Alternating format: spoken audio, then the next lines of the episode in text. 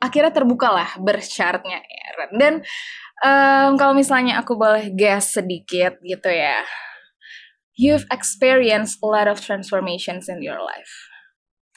Welcome to Kano Hangout. a session whereby Any story is possible. So sit back, relax, and enjoy.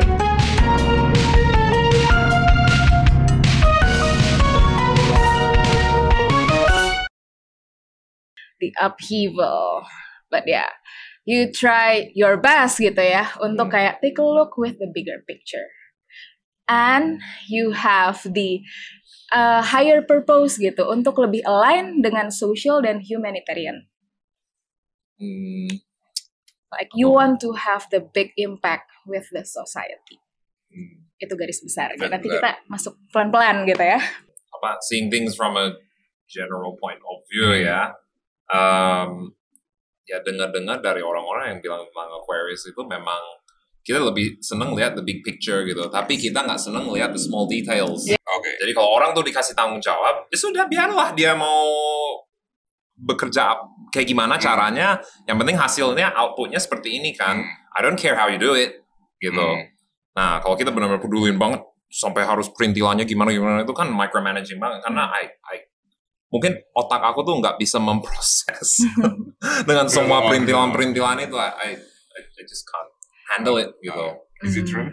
Betul. Jadi eh, mungkin sebelum masuk ke Aquariusnya, jadi ada namanya lapisan pertama nih kalau di astrologi. Oh. Itu namanya rising atau ascendant atau bahasa awamnya adalah our perspective. Kalau misalnya bahasa awamnya lagi mungkin our mass ya gitu atau kayak eh, first impression gitu. Hmm. Jadi orang pertama kali kan pasti kita suka dinilai, oh Kiki kayak gini, oh Aaron kayak gini pertama kali dan segala macam. Itu ada itu adalah rising atau ascendant. Nah, ascendant atau risingnya Aaron itu adalah Scorpio. Surprise, mungkin kayak ah apaan tuh gue gak pernah dengar atau segala macam. I've never know atau tentang hal-hal seperti itu. Ini tuh apa? Jadi em, kalau misalnya astrological gitu ya, nanti aku akan masuk setelah itu ke akuanya. Jadi Scorpio ini punya rumah namanya rumah ke-8. Jadi yang membuat uh, your life lah kayak um, ada upheaval transformations atau kayak selalu um, ingin how do I say? Mungkin kalau pertama kali ketemu orang like you want to keep yourself private. Like no one no one um, how do I say? Kayak gak boleh ada yang tahu lah kayak my private self. Oh. itu itu Scorpio things the mysterious the secretive gitu. Kayak you know nothing about me. Itu your rising atau your ascendance atau your first impressions kayak orang nggak Oh, akan ada yang bisa melihat Aaron Oh. kayak I am complex Oh. kayak gitu Ah, iya. itu Aaron pertama kali Oh, wow. gitu She's right. Kalau namanya private things aku Yeah. nggak terlalu mau share gitu. Alright. Um, ka- mungkin karena um, sebenarnya untuk untuk trust people itu aku sangat susah untuk trusting people gitu. Hmm, Why? Um, bukan karena sering dikecewakan Hmm. atau trauma atau apa, cuma memang memang itu just part of my nature itu untuk jangan terlalu trust sama orang-orang gitu Hmm. dan jangan terlalu berekspektasi tinggi sama orang gitu. Hmm. Um, kedengarannya agak pesimistik ya gitu Hmm. kayak ah I know they will they they apa mereka nggak akan fulfill Hmm. expectations aku jadi mending nggak usah punya expectation sama Hmm. sekali gitu dan nggak usah trust mereka gitu um, tapi dikaitkan dengan personal life personal things ya memang sangat dijaga dan mungkin bisa dibilang waduh kayaknya ini akan terbongkar ya. Wah berarti berhasil ya bikin terbongkar ya. Behind Aaron's English itu Okay. there's not a lot about my personal life. Aku Yeah. share di situ dan um, mengajar dan karikatur Aaron itu aku aku pakai sebagai topeng gitu. Oke. uh, untuk menutupi diri aku tuh sebenarnya kayak gimana? Karena waktu waktu kecil gitu ya um, ya kayak dari dulu di sekolah gitu interest aku itu nggak klop dengan kebanyakan teman-teman di sekolah gitu dari SD gitu aku tahu aku orangnya rada quirky rada weird gitu ya um, di situlah mungkin bikin aku kayak ya eh, agak pe- pesimistik bahwa ah aku akan ketemu orang-orang yang akan sama dengan aku, Hmm. interestnya akan sama dengan aku, and I, and I never find that. Jadi ya sudah aku pikir, alright, diri aku sebenarnya itu kayak gimana it's just for my self enjoyment aja gitu Oke. jadi hal-hal yang aku nikmati untuk diri sendiri my self interest itu untuk menyenangkan diri sendiri aja gitu. Hmm. karena aku tahu aku nggak akan ketemu partner orang lain. Bukan partner maksudnya partner cintaan atau apalah ya tapi just friendship connections gitu yang Hmm. akan seperti itu enggak gitu wah kok kayak dark juga ya jadinya Beras ya? Oke. Apakah itu semua ada yang udah dibaca? Betul, Benar? betul. Oke. Ya, tapi kita eh, kita akan slow but sure aja ya. Slow Karena sure. Aquarius sukanya Slow. slow, but sure Alright, gitu ya. alright. Pelan-pelan aja gitu, nggak usah terlalu Oke. impulsif gitu. Oke, mungkin aku akan masuk ke Aquariusannya. Jadi eh, buat teman-teman yang belum tahu kalau misalnya kalian sering baca majalah gitu terus ngeliat forecast astrology atau zodiak gitu, kalau misalnya kayak Aaron nih dia Aquariusan, itu bukan eh, kalau dalam bahasa astrological itu namanya sun sign. Jadi Hmm. eh, sign kalian yang ditentukan oleh tanggal lahir itu namanya sun sign yes jadi sun sign Aaron adalah Aquarius nah menjawab nih tadi sebenarnya aku kayak pengen ketawa sih kayak waktu Aaron bilang ada quotesnya Aaron tentang about um, being different ya tadi ya aku kayak Hmm. ini Aquarius banget gitu karena kayak untuk menjawab itu semua kenapa sih Aquarius suka kayak dikaitkan sama mereka tuh detach atau kayak uh, Hmm. butuh space ya Hmm. kan perlu space banget lah Aquarius ini gitu Hmm. Um, yang pertama karena Aquarius itu punya rumah namanya rumah ke-11. Jadi rumah ke-11 ini isinya friendship. Friendship, breakthrough, innovations, uh, technology, wishes coming true gitu.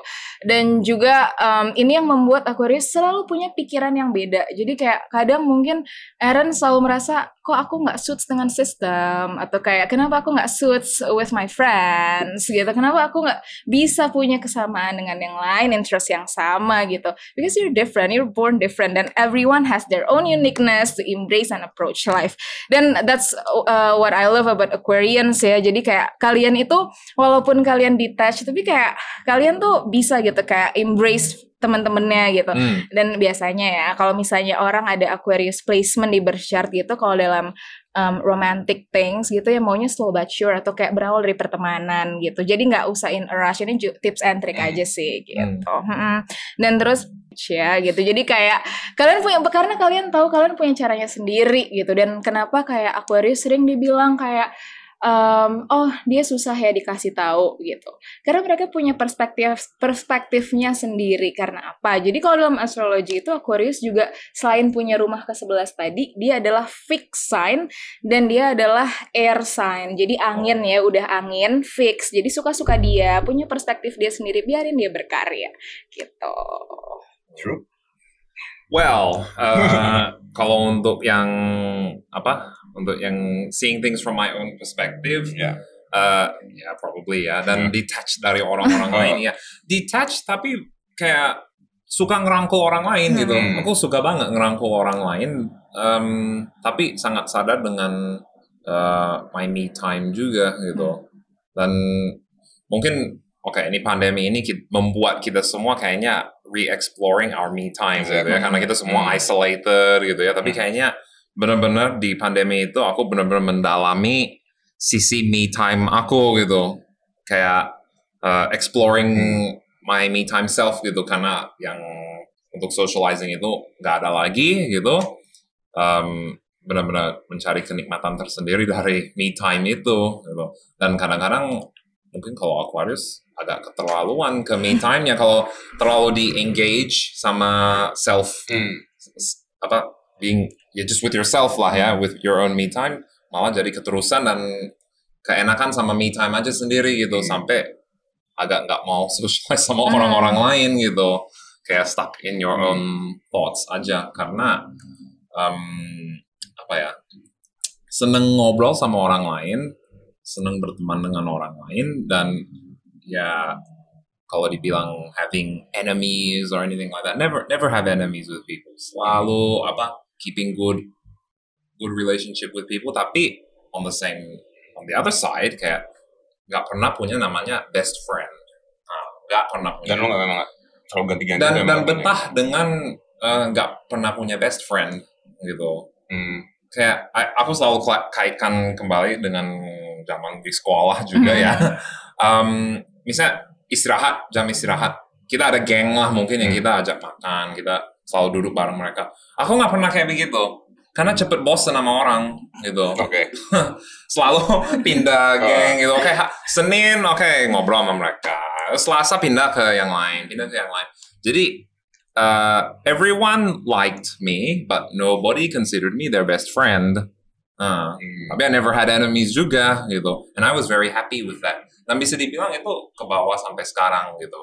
Hmm. Kayak uh, yang namanya temen, aku kayak mau keep them at bay gitu. Aku nggak mau sampai mereka tuh masuk ke personal personalnya aku banget gitu. Is it true? Jo? Yes, itu Scorpio-nya kayak enggak enggak kita punya space gitu. Oke. Aku punya uh, secrets, my Mhm. own secret. Hmm. Dan dia juga secret keeper yang baik gitu. Itu Hmm. udah pasti gitu. Oh, wow. Karena Alright. ya, jadi kayak ya setiap orang punya uh, apa ya dark times-nya, setiap orang Hmm. punya ceritanya Hmm. masing-masing gitu dan setiap orang punya space untuk private self-nya gitu. Hmm. Untuk Aaron. Oke. nah, mungkin aku akan move ke emotions. Jadi Oh, agak oke. sedikit lebih dalam. Iya, jadi tuh sebenarnya aku ngeliat um, you are really hard on yourself, really. Hmm. Dan um, kalau saya tadi aku bilang overthinking, aku denger ya Hmm. waktu sama Kiki ngobrol kayak so because you have your moon in Gemini, jadi moon atau emosinya Aaron itu ada di Gemini gitu. Jadi um, aku bisa bilang sebenarnya suka banget ngulik gitu suka banget ngulik gitu. Dan ini juga bisa menjadi salah satu kenapa Aaron tiba-tiba ada interest ke bahasa atau language karena Gemini punya rumah namanya rumah ketiga dan itu berhubungan dengan bahasa Hmm. kayak gitu berhubungan dengan yang berhubungan dengan communications berhubungan dengan writing um, berhubungan dengan discussions kayak gitu jadi mungkin kalau misalnya lagi sendiri ya jadi emosi eh, kalau misalnya lagi sendiri eh, kadang Aaron itu craving sam- sama sesuatu yang berhubungan dengan variasi yang berubah-ubah karena bosanan banget jadi kadang kalau Hmm. misalnya sendiri mungkin kayak ya like you strolling around the internet apalagi kayak this pandemic situations ya Yeah. gitu jadi kayak Hmm. mesti ada uh, something yang boost dia. Jadi kayak mungkin dengan aktivitas yang sekarang banyak dan bervariasi itu bisa helps dia. Hmm. Yang kasihan kalau misalnya udah punya moon di Gemini bosenan tapi kayak diem-diem aja. Jadi kayak memang Hmm. mungkin Aaron um, apa ya perlu mungkin sekali-sekali kayak jalan-jalan ke mana mungkin groceries or I don't know atau Hmm. kayak do the things yang memang um, apa ya how do I say bikin ada pergerakan lah atau Hmm. nggak bosen dan seneng Hmm. banget intel- intellectual challenge gitu kayak Hmm. oke ini apa nih kayak I don't know mungkin lu suka main puzzle juga atau kayak anything to do yang kayak solving problems and Hmm. stuff kayak gimana caranya memaintain relationship dengan baik ke orang dan audience ya Hmm. itu moon in Gemini banget Hmm. Tapi menjaga relationship sama orang itu udah puzzle tersendiri tuh. Setuju banget. Iya, iya. Uh, re- relationships with Uh. uh, apa colleagues, Hmm, with uh, yes. family, friends, Iya. apa partners itu itu sangat ini. Um, tapi untuk um, kalau dikaitkan dengan with my work gitu ya, Hmm. uh, I don't know, mungkin I don't know ini Aquarius atau apa gimana ya. Hmm.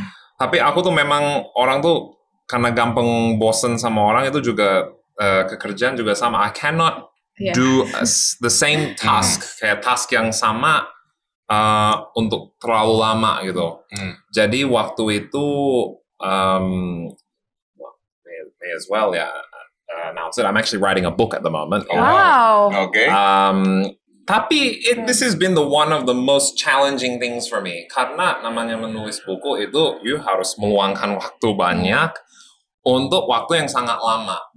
Karena aku tuh orangnya uh, kalau lihat ada suatu project maunya endingnya cepet gitu. gitu. Uh-uh, kayak what's the end game here dan ini dalam jangka waktu berapa lama Hmm. gitu.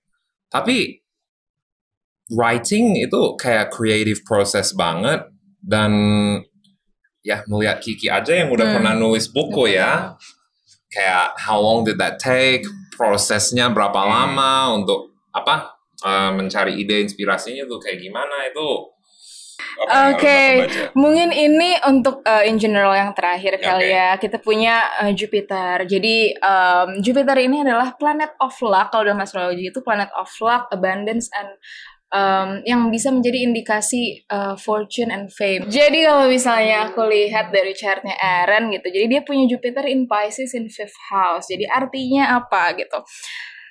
Aaron ini akan booming gitu ya atau kayak akan uh, teractivate lah itu. Kalau misalnya Aaron melakukan hal yang memang dia benar-benar passion gitu Hmm. dan dengan ada Fifth House Fifth House ini um, entertain Oke. entertain jadi kayak mungkin karena Aaron membawaannya seru ya jadi Hmm. kayak biasanya I don't know mungkin di luar sana kalau misalnya belajar IELTS atau TOEFL atau apa pun itu kan kayak serius banget gitu Hmm. pembawaan Aaron ini kan fun jadi Fifth House itu adalah house of fun atau entertain gitu jadi itu mungkin menjawab gitu ya kenapa Aaron um, dengan passionnya dia di uh, language atau di bahasa atau di um, I don't know komunikasi dengan orang banyak gitu ya terus uh, fifth house-nya it's all about entertaining people gitu Mhm. jadi itulah kenapa mungkin salah satunya Aaron um, how do I say uh, bisa seperti sekarang lah Alright. hits gitu dan bisa menjadi contoh bagi bagi banyak orang di luar gitu Oh wow.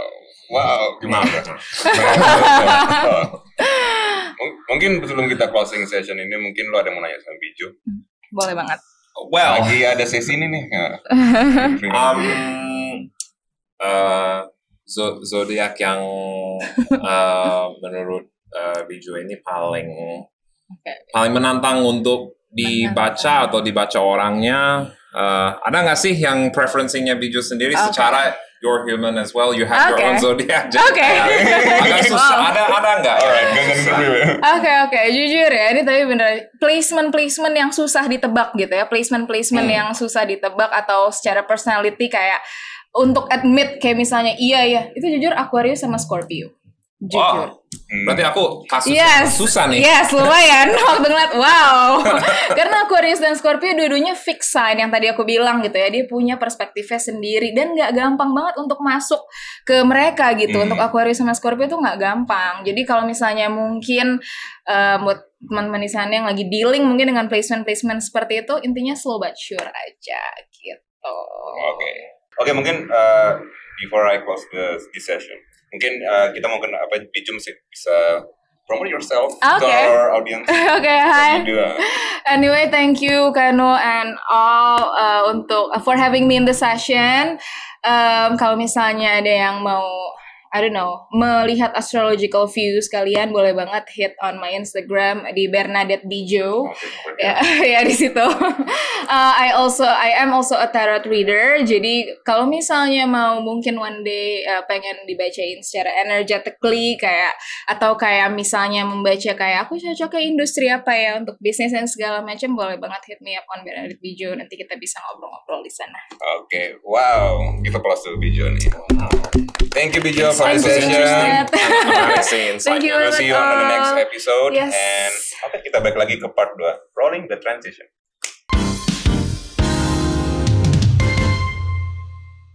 Oke, maksudnya tadi kan kita di part 1 sudah bahas langsungnya kayak English, education and what you do gitu. Hmm. So, I was hoping that kita for the part 2 kita lebih personal and life talk. Gitu. Oh. Wow. What happened dulu? Maksudnya pas yang lu bilang kayak dulu lu dibilang weird pas di kelas lu kayak menjadi insecure sama orang gitu. Hmm. Ini you can tell about that. gitu. Um, I don't know ya. Um, iya sempat sempat dibilang waktu eh, waktu aku di sekolah, Mhm. um, aku sudah ngerasa aja gitu bahwa eh, ya aku agak beda dari yang lain gitu. Ya, yang beda in what term? Nah, so aku kasih contoh sederhana aja. Oke. Eh, cowok-cowok yang lain pada suka demen main video games gitu. Pada zaman itu mungkin Xbox, Mhm. PlayStation 2 Oke. gitu-gitu ya. Aku sama sekali nggak nyambung sama hal-hal yang kayak begitu. Jadi begitu teman-teman yang lain udah pada ngomongin, wah pada zaman itu gamenya kayak Counter Strike, Mhm. RuneScape gitu-gitu kan ya, nggak nyambung gitu, nggak nyambung sama obrolan Mhm. mereka itu. Dan dan Tapi waktu- lu nggak sampai yang kasus yang kayak bullying or something. Nah, that's that's that's the funny thing gitu. Um, kalau didengar secara sekilas ini seharusnya kayak cerita sedih gitu, tapi Iya. aku nggak nganggap ini sedih gitu, karena nggak peduli. eh, nggak peduli gitu, nggak peduli gue dibilang beda dari yang lain gitu, Hmm. dan kalau namanya pernah dikatain apa, ya pernah lah, Pasti, gitu. pasti ada lah gitu. Um, kalau sampai dibullying parah-parah banget, Hmm. ya, ya sebenarnya nggak nggak terlalu juga lah gitu Hmm. ya. Cuma kalau namanya eh, diasingkan, nah itu itu yang sangat aku rasakan gitu. Em, waktu waktu dari sekolah dan mungkin di every social environment I am Hmm. in I am in gitu, aku selalu merasa diasingkan gitu. Sehingga itu udah jadi second nature buat aku untuk survive sendiri gitu dan nggak terlalu trust dan depend sama orang lain gitu karena aku tahu orang lain they it sounds very dark ya tapi I know they won't be there for me jadi kayak ya sudah I don't I don't need them Born gitu. alone, die alone. Kayak bo itu. ya live alone, born alone, die Die alone. Iya, It's very dark. kayak dark juga sih sebenarnya. Iya. Tapi em, maksudnya kayak ada sorry, sorry. very ya. dark, It's very dark. Tapi Go on, kayak Ki. gue ngerasa itu kayak salah satu lu punya benefit juga sih kayak lu nggak peduli kata orang dan apa. Tapi kayak in the bad way itu menurut lo tuh apa sih jadi gitu? Kayak Hmm. dengan tidak peduli dengan orang, lu kayak nggak mau tergantung dengan orang gitu loh. Yeah, of course ada bad side-nya bad juga. side? Huh. What do you think? Hmm, I think the bad side is um, saking saking gue cuek sama orang lain, saking gue kayak benar-benar ya yang kayak Biju bilang kayak I like to separate myself from the others Hmm. itu um, ya gue bisa tidak melihat hal-hal yang seharusnya aku lihat dan aku pedulikan gitu. Hmm. Um, dan ya mungkin ada hal-hal yang um, yang terlewat yang seharusnya aku pedulikan yang aku enggak which kayaknya was to the detriment of me Mhm. yang memang ada bad effect buat aku gitu Hmm. tapi karena aku orangnya segitunya cuek Oke. ya ya sudah if that happens to me ya sudah aku aku fine fine aja with it gitu lanjut aja do the next thing gitu Mhm. Um, makanya orang kalau ada good things that happen to me, bad things that happen to me, I don't really care gitu. Makanya aku nggak terlalu banyak disuka apa suka kayak di dipuji-puji banget gitu. Hmm. Karena aku lihatnya eh, langsung distrust sama orang itu. Ini motif kamu tuh apa sih gitu? Hmm. Kenapa begitu banyak dipuji? Kenapa begitu banyak dikasih nice words? Padahal mungkin dia niatnya emang baik. Dia dia cuma mau kasih words of affirmation. Dia mau bantu encourage. Dia mau bantu apa? Tapi aku langsung lihatnya skeptical gitu. Lu kan bilang kayak lu kayak stoic banget lu kayak lu nggak kayak ya udah kayak kata orang apa bilangnya lu nggak peduli dan lu kayak tetap jalan dengan diri lu sendiri gitu kan. Hmm, Ada satu titik kayak lu bener-bener marah banget gitu satu one point. Marah ya? benar-benar emosional marah. Nah, nah itu. sama orang atau kayak Hmm. sama siapa pun murid or something. Gitu kayak. Selama ini. Aku tuh memang kebetulan orangnya cool headed. I'm I'm not a temperamental Oh, really? person. Okay. Yeah, believe it or not. Alright. Believe it or not. Uh, meskipun aku orangnya straight talking, agak nyablak kadang-kadang Mhm. dan apa agak nggak peduli perasaan orang lain. Alright. so I just say what I think Mhm. gitu ya. Um, tapi itu in a cool mannered kind of way karena kalau orang tuh udah nyebelin banget sama aku, um, mungkin nggak akan marah, tapi takut aku mengeluarkan kata-kata yang sangat bisa menyakitkan Hmm. gitu. Karena kadang-kadang that's my weakness tuh. Aku nggak sadar I've hurt someone's feelings Hmm. gitu deng- dengan kata-kata yang aku keluarkan gitu. Um, dan mungkin di saat-saat aku marah atau apa ya, mungkin hal-hal itulah yang mungkin pernah terjadi. Tapi karena aku segitu cuek gitu, aku suka bilang kayak peribahasanya aku tuh so- sebuah panci teflon Hmm. panas yang dikasih mentega gitu. Hmm. Itu kayak slides off the pan kan, Hmm. kayak mentega itu kayak seret Oke. gitu. Karena no feelings or anything kayak apa sticks with me gitu. Hmm. Aku kayak slide off aja gitu. Jadi that's a good thing tapi it's also a weakness di mana aku nggak bisa berempati dengan orang atau nggak Hmm. bisa apa realize mungkin aku uh, did something bad to someone atau berkata kasar terhadap seseorang atau um, said something mungkin yang nggak nggak mengenakan di hati lah istilahnya. Ah. Nah. Kalau sampai fits of rage marah banget, Nggak. if that's what you're asking, nggak pernah, Oke. never. Oke, tak pertahankan itu deh. nah, mungkin ini uh, one of another personal question kayak what was your lowest point gitu, in your life so oh? Then, and at the same time your turning point. Maybe you can share. Hmm. All right. Well, many many people say to me kayak, wah keren ya Aaron, wah kayak di umur segini lo udah bisa bikin itu Hmm. keren banget. bla, bla, bla, bla." Kalau ditanya tentang semua itu, Hmm. ya sebenarnya orang mikir karena oh aku punya apa motivationnya to do that atau Hmm. apa gitu. Uh, no, actually I had to do that karena terpaksa, karena keadaannya memaksa. Jadi waktu kita pindah ke Indonesia, kita sekeluarga, kita agak, um, ya long story short, uh, beberapa perencanaan yang kita buat ketika kita pindah ke Indonesia itu tak terwujud Oke. sehingga ekonomi keluarga kita sangat terkena Mhm. dan uh, kondisi uh, papa almarhum aku pada saat itu semakin menurun at the age of 17 maybe 16 17 tiba-tiba aku menjadi breadwinner istilahnya uh, tulang punggung Tulang gitu keluarga. Nah, dan itu masih sampai sekarang kondisinya seperti itu where I'm the breadwinner of the family gitu jadi ya ya tanyalah sama semua anak pertama apalagi aku anak pertama Mhm. yang kita jadi tulang punggung keluarga itu beratnya kayak Hmm. gimana gitu ya.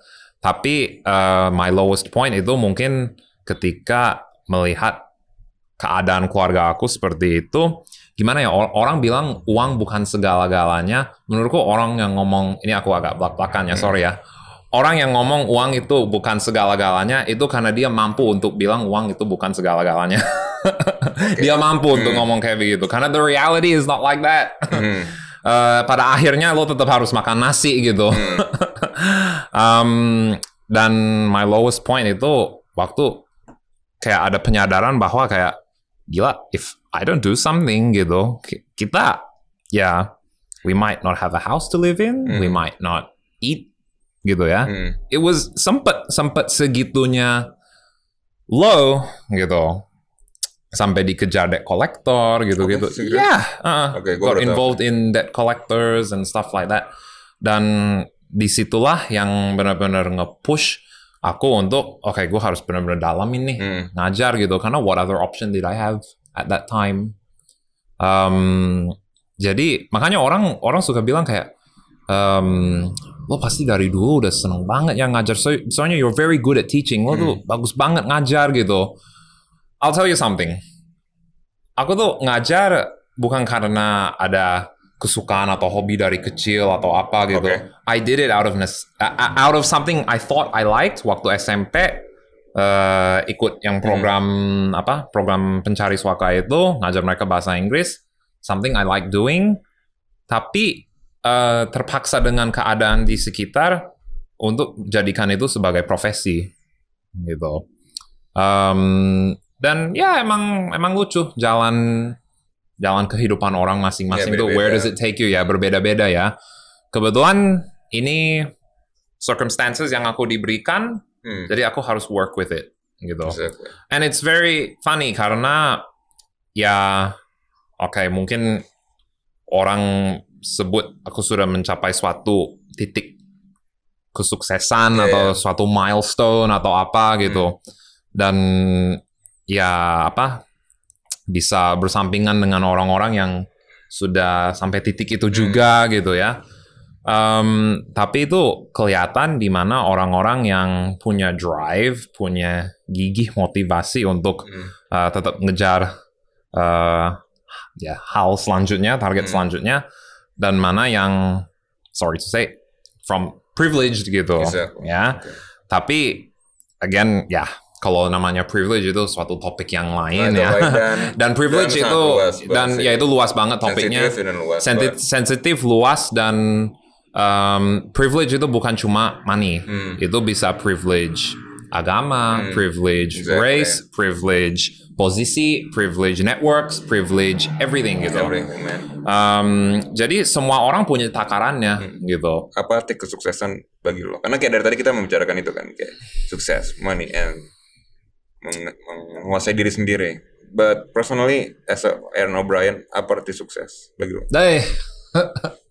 In one sentence, tapi sesingkat mungkin lah atau apa? Hmm. Sukses itu Um, ketika apa? Hmm. Um, success for me yeah, is when I can be at peace with all of my internal demons. Hmm. Ya, itu udah sukses Mhm. for me ya. Ketika aku bisa berdamai dengan semua bad habits yang aku punya, um, karena semua bad habits itu menghambat aku untuk ke next uh, kerjaan selanjutnya Iya. atau next project next apa. Jadi kalau aku udah bisa mulai dari diri sendiri dan menghilangkan uh, keburukan-keburukan Hmm. itu, uh, self demons itu, Hmm. itu udah sukses for me. Thing is, that's an ongoing uh, Process. Process ya. Dan Dan kayaknya it'll be an ongoing process till the day I die. ya, Ah. karena pada akhirnya kayak menurut gue ya berdamai dengan diri sendiri itu ya fase sih. Kayak Hmm. it's, a- it's like a circle gitu. That's why Kayak maybe I really love to talk with old people yang kayak um- udah umur yang lansia, udah melalui gitu kan. yang udah melalui sem- itu semua. Aku Dan senang Iya, banget. maksudnya kayak menurut gue tuh kasusnya sama kayak ibarat ya lu hiking, lu naik bukit, lu dapat fase nyaman terus kayak turun lagi. Hmm. It's ongoing sampai lu titiknya memang nggak bisa berdiri lagi gitu loh. Hmm. Dan that's life gitu loh kayak full in circle. That's life, Ki. Exactly. What are you gonna do? Pas kita kita surrender saja. Serahkan saja. okay, um before we end the part two, we have one game, right? Ooh. We call it Golden. What is it? What do you call it? Apa nih? Mengingat ini baru-baru Chinese New Year. yeah. So far we call it Golden Destiny. Golden Destiny. Or Golden Question or something like that, but it's golden. Pokoknya golden ya. Golden. Nah, Bukan silver ya. dan di sini gue ada beberapa eh, angka sebenarnya. Alright. And lu pilih satu angka Uh-huh. dan itu nanti saat ang- angka itu akan merepresent salah satu pertanyaan nanti yang akan dibacakan dari tim kita. Wow. So, pick one. Alright, lucky dip. Hmm. Alright. Undian. Undian dapat piring cantik ya. Oke. Aquarius nih, Aquarius. It is It is what? number six. Number six. What What's the question for number six? Oke, kalau besok pagi tiba-tiba punya keahlian baru, keahlian apa yang kamu inginkan? Tiba-tiba punya keahlian Keahlian. baru. Kayak ya mungkin konteks bukan superpower ya kak. Tiba-tiba lu besok nih Skill. dapat skill baru dan apa yang lu skill yang Satu pengen? aja. Satu aja lah, nggak usah banyak. Waduh. um, uh, marketing. Skill marketing. Kenapa? Marketing dan sales. Why? Oh. Lu nggak jago menjual? Menurut menurut gue ya I'm still not really good at selling things Oke. ya. Tapi kalau gue bisa tiba-tiba kan katanya keahlian langsung mahir banget Iya, kan. Marketing and sales. Oke, marketing and sales. Karena So, itu cuan. We need money man. Oke, sangat realistis ya. Oh, Aquarius, realistis. Aquarius ya. Ya, why why be so idealistic ya? Uh, Well, practical, rational aja. Iya. Aquarius. Aquarius, Aquarius. But sometimes it's okay to be idealistic, bro. Take your time to ya vacation lah, traveling lah, or something gitu. Nah, untuk vacation traveling itu butuh apa? Iya uang. Hmm. Tapi ketika lu dapat uang terus, Mhm. itu apa uangnya? ya ya itu oke ya ya oke that Iya. makes sense. I think ya. ya sudah dua-dua two elements Ya ada ada, and ada yang. ada uang terus, Ah. yes, ada uang terus. Makanya itu bisa mewujudkan hal-hal yang emang akan mendeliver kebahagiaan yang sebenarnya diinginkan ya. Hmm. Em- I agree with you. Just having money uh, and you let's say you invest it in things Hmm. punya duit, punya duit, punya duit terus tuh uh, yes itu uh, mungkin nggak se-satisfying atau nggak se-fulfilling Iya. traveling atau volunteering work atau apa. Hmm. Iya, um, tapi for most things in life, you still need money. So Yeah. But in some cases, money is not everything. in some cases, money is not everything. Balance yin and yang. Yes. Alright. yes, yes. Oke, oke. Uh, before we close this session, Hmm, kita selalu ada satu pertanyaan terakhir tuh kayak semua gestar kita. Jadi alright. kalau lo tahu kano tuh sebenarnya artinya possible di bahasa Jepang. Hmm, So, pertanyaan adalah apa satu hal yang sekarang ini lo pengen bisa possible di lo gitu, yang lo Hmm. nggak punya. Hmm. Apa yang gue pengen Something. possible di gue? Ah, eh sesuatu yang pengen terwujud gitu ya, ya. terwujud. Um,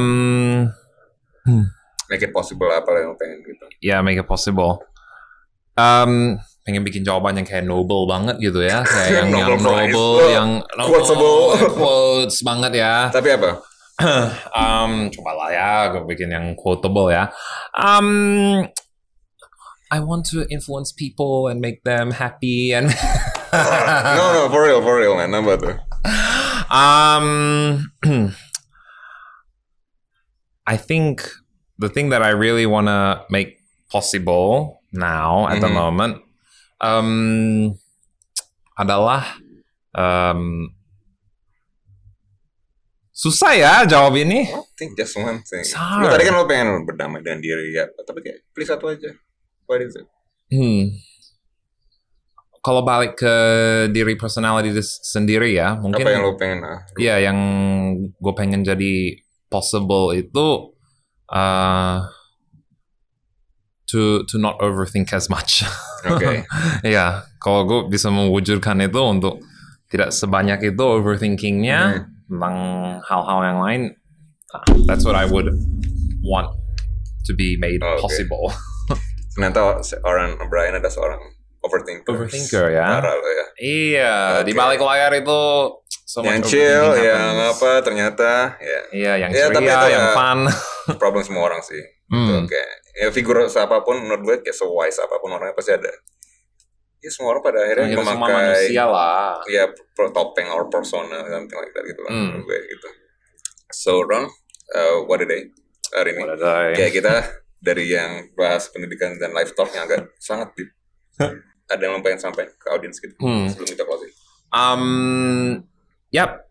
As I always say to my students, Mhm. yeah, uh, and to anyone who just wants to listen, Listen carefully guys. anyone who just wants to listen, um, ya, ini agak cliche, tapi Because ya- it's true. Because it's true. Because it's true. It's it's cliche for a reason, guys. Yeah. Ya, pengalaman adalah guru terbaik. Ya, dengan pengalaman yang kamu lalui, dengan semua keadaan yang kamu dapatkan, Mhm.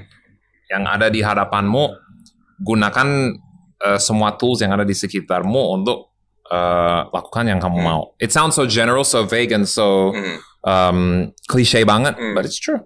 Exactly. Yeah. Okay, thank you so much, Aaron. And for our audience, Kano, uh, pertama kita mau say thank you to Lawe Coffee for udah ngasih kopi gratis ke kita for Thank sponsoring this episode. And yang paling terbesar, uh, our partner Outer Studio yang telah meminjamkan studio mereka dan equipment segala hal. Uh, the best podcast studio so far yang kita tahu. And yeah, thank you Aaron. Kalau apa Thank you. sudah meng-share your opinion and see you on the next hangout. Is that atau grammar salah?